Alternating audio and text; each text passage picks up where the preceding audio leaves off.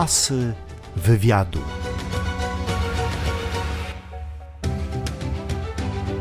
Mam zaszczyt przedstawić mojego dzisiejszego gościa. To słynny artysta, malarz, pan Rafał Olbiński. Rozmawiamy w Olsztynie. Przyjechał pan na Warmię i Mazury. Skąd pana związek z tym regionem? Mam tu przyjaciół, których często odwiedzam po prostu. No i tak jakoś parę razy zrobiłem plakat do teatru, także po prostu tak jakoś się zrobiło, że mi się podoba to miejsce. Urodził się pan w Kielcach w 1943 roku. Rodzina wielodzietna, prawda? Rodzina owszem wielodzietna, tak, znaczy miałem sześcioro młodszego, rodzeństwa. No super, jest pe- pełen chaos, y, ogromny chaos od początku, ale potem ktoś mądry kiedyś powiedział mi niedawno, że chaos jest twórczy, a porządek prowadzi do rutyny. Także ja wyrosłem w chaosie i być może częścią e, tego, że coś tam e, ciekawego robię w życiu, ważną częścią jest tego to właśnie, że wyrosłem w chaosie. Liceum imienia Żeromskiego w Kielcach. E, Chciałam zapytać, czy już wtedy zaczęło się pańskie malowanie, rysowanie, zainteresowanie plastyką? Czy był pan takim dzieckiem? Rysowaniem było, o ile pamiętam, nawet na maturze miałem chyba 3 plus z rysunku, a zdawałem na architekturę. Czy te 3 plus było bardzo, powiedzmy, kontrowersyjne. Nie ma nikt chyba zdających na architekturę nie miał 3 plus na maturę z rysunku. Na szczęście mój ojciec był przewodniczącym komitetu rodzicielskiego, no i tutaj korupcyjnie zmienili mi stopień na 4 minus, żeby lepiej wyglądało. Od czego się zaczęło pańskie rysowanie, malowanie? Ponad przeciętność specjalnie się nie wybijałem, jeżeli chodzi o rysowanie. Owszem, jak wszyscy inni moi koledzy rysowałem cowboy i Indian albo partyzantów i Niemców. Byłem w podstawowej szkole. Później jak oczywiście zaczęło się rysowanie na, na poważnie, jak zdałem na, na Wydział Architektury i tam oczywiście szkoła rysunku, taka bardzo klasyczna, bardzo dobrzy profesorowie i to w jakiś sposób dało potem owoce, że nauczyłem się rysować. A jak Vasari powiedział kiedyś, słynny teoretyk sztuki włoskiej w XVII wieku, że nie ma dobrego obrazu bez dobrego rysunku. Wydaje mi się, że był ten tak pierwszy krok w kierunku sztuki, to właśnie tam moja, moja studia na architekturze. Panie Rafale, no właśnie, a studia lata 60. w Warszawie.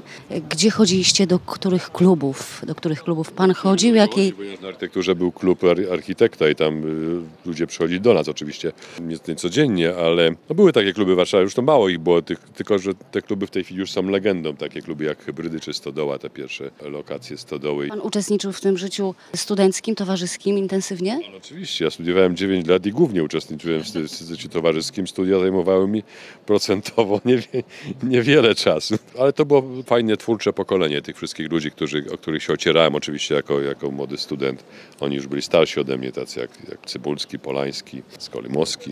Otarłem się o te legendy polskiego jazzu, także to było bardzo stymulujące. I to wydaje mi się było jeden najfajniejszych okresów polskiej sztuki, ponieważ ci ludzie nie mieli żadnych kompleksów przed Zachodem, nie chcieli udawać, że są Zachodem, tylko tworzyli coś z własnej potrzeby, żeby zaznaczyć swoją e, obecność, swoją odrębność, inność. Kolorowo było, prawda? Na studiach. Na tle szarzyzny wszystkich wokół, to było bardzo kolorowo w tym moim małym środowisku. Asy wywiadu.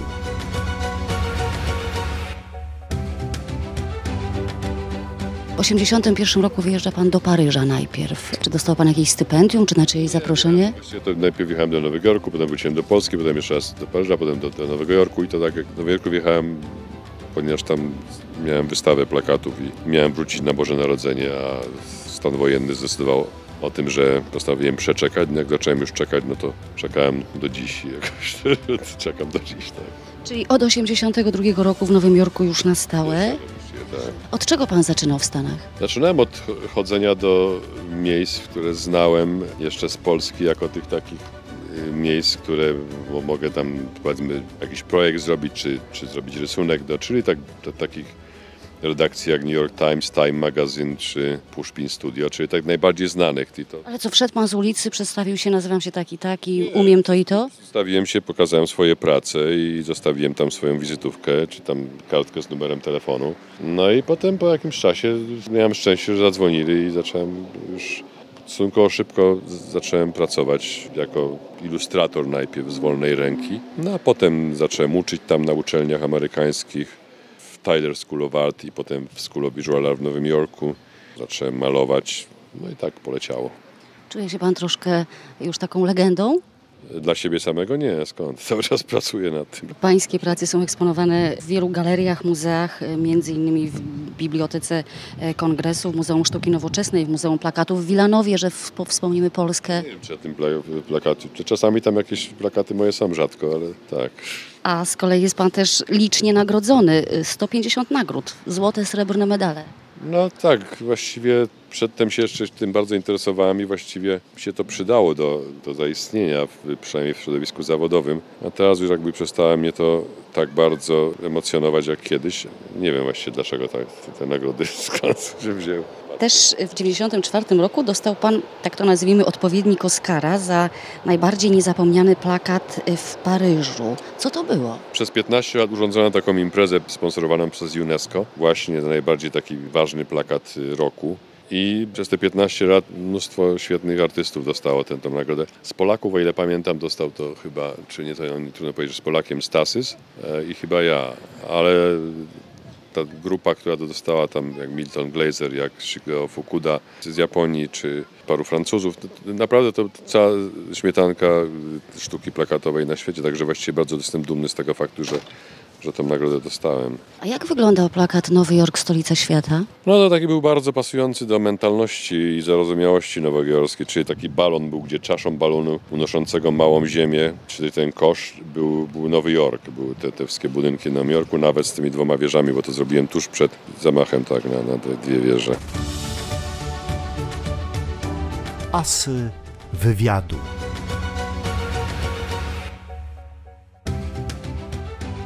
Wystawia pan w USA, w Niemczech, w Belgii, w Japonii, w Chile. To jak to jest? Jeździ pan na te wystawy? Czy pan sprzedaje swoje... Dlatego wystawiam, bo lubię jeździć. Przede wszystkim szukam pretekstu, że to mi po, pozwala być trochę podróżnikiem.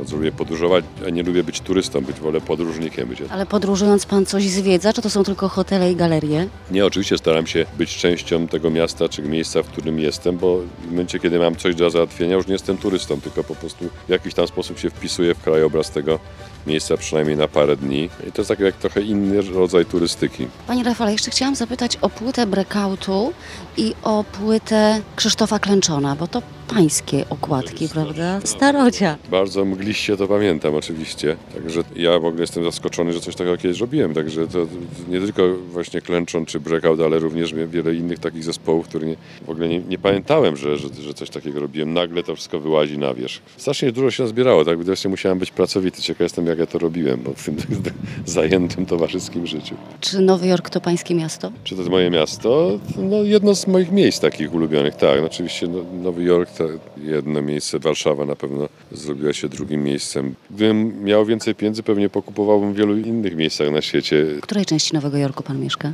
Właściwie bardziej może ważne jest, gdzie mam pracownię, bo mam pracownię w całym centrum na 35 ulicy. Właściwie tuż obok Empire State Building, czyli tak właśnie między Empire a Chrysler, czyli dokładnie w centrum Nowego Jorku. A mieszkam na Queensie Forest Hills, taka dzielnica rezydencjalna. Panie Rafale, odniósł pan światowy sukces niewątpliwie, jest pan bardzo rozpoznawalny na świecie. Czy to jest tak, że może pan powiedzieć, że jest pan spełnionym człowiekiem i marzenia z dzieciństwa się spełniły? Czy, czy marzenia w dzieciństwie nie wybiegały tak daleko? Nie, Marzenia były inne zupełnie, chciałem być pisarzem, także to jakby się nie, nie spełniło jeszcze. To napisałem jakąś książkę i nawet wyszła w Polsce. Teraz chciałbym wrócić do pisania oczywiście, z tym, że no niestety malarstwo jest też moją pasją i, i projektowanie, także po prostu trudno powiedzieć, jakie jest moje marzenie, bo te marzenia się zmieniają, one w czasie jakby dojrzewają, bo ja wiem, czy są fajniejsze, czy mniej fajne, bo kiedyś marzyłem, żeby być pilotem, Emilem Zatopkiem, czeską lokomotywą, taki długodystansowiec, co wygrał parę medali na olimpiadzie w Helsinkach. Czy jestem szczęśliwym? To jest dobre pytanie. No, co to znaczy szczęśliwym człowiekiem? To znaczy być sobą chyba, to, to najważniejsze. Mi się wydaje, że coraz bardziej jestem, jestem sobą. Nie muszę udawać nikogo innego, tylko tak, jestem taki, jestem, sobie, zdaję sobie sprawę swoich limitacji, z, z tego, co, co mogę zrobić. Ale ma pan poczucie sukcesu? nie, nie widzę tego słowa sukces przede wszystkim. Co to znaczy sukces? Ja nie, nie, nie startuję w biegu na, przez płotki i sukcesem jest zdobycie złotego medalu. To, co ja robię, to jest, tworzę jakiś tam swój świat, swojej wyobraźni, który po prostu proponuję e, ludziom, żeby odwiedzali. Czy to jest książka, czy, czy opowiadanie, które napisałem, czy to jest obraz tego. Jeżeli odwiedzają, jeżeli mają w tym przyjemność, to oczywiście ja jestem bardzo szczęśliwy, bo to jest jakby częścią komunikacji jakiejś takiej, którą y, każdy z nas ma. My jest, jako ludzie jesteśmy gatunkiem, y, który lubi opowiadać. Ja opowiadam przez obrazy, ja opowiadam przez... Jak się zmienia pańskie opowiadanie przez obrazy? Czy się zmienia? No wydaje mi się, że jest y, dojrzalsze warsztatowo na pewno. Zmienia się, może mniej jest rewolucyjne, bardziej jest takie stonowane, bardziej refleksyjne. Kwestia tego, że człowiek dojrzewa, starzeje się, czy po prostu zmienia perspektywę. Mam nadzieję, że to jest moim przedłużeniem, ten, ten obraz mojego ja, czy właściwie częścią mnie. Ile kosztuje pański obraz? No nie mogę sobie pozwolić specjalnie na to kupienie własnego obrazu. Także Czy u jakichś sław amerykańskich w gabinetach wiszą pańskie dzieła? Tak, oczywiście. No, w paru takich ważnych osób wiszą. Bardziej to są y, osoby nie- mniej medialne, bardziej słabe takie pi- pieniądze. To znaczy facet, który ma kampanię na przykład Home Depot ma, ma mój obraz, czy ten, który ma Intel, czy mm, też ma mój obraz. Ale najbardziej jestem dumny z tego faktu, że 5 lat temu kupił mój obraz w galerii w Nowym Orleanie listonosz. I do dziś spłaca moim agentom 50 dolarów miesięcznie za ten obraz. Naprawdę. I to, jest, to dla mnie jest to największy powód do, do, do dumy, bo on kupił to, bo mu się to podobało. To nie była inwestycja kapitału, tylko kupił to, nie ma na to pieniędzy.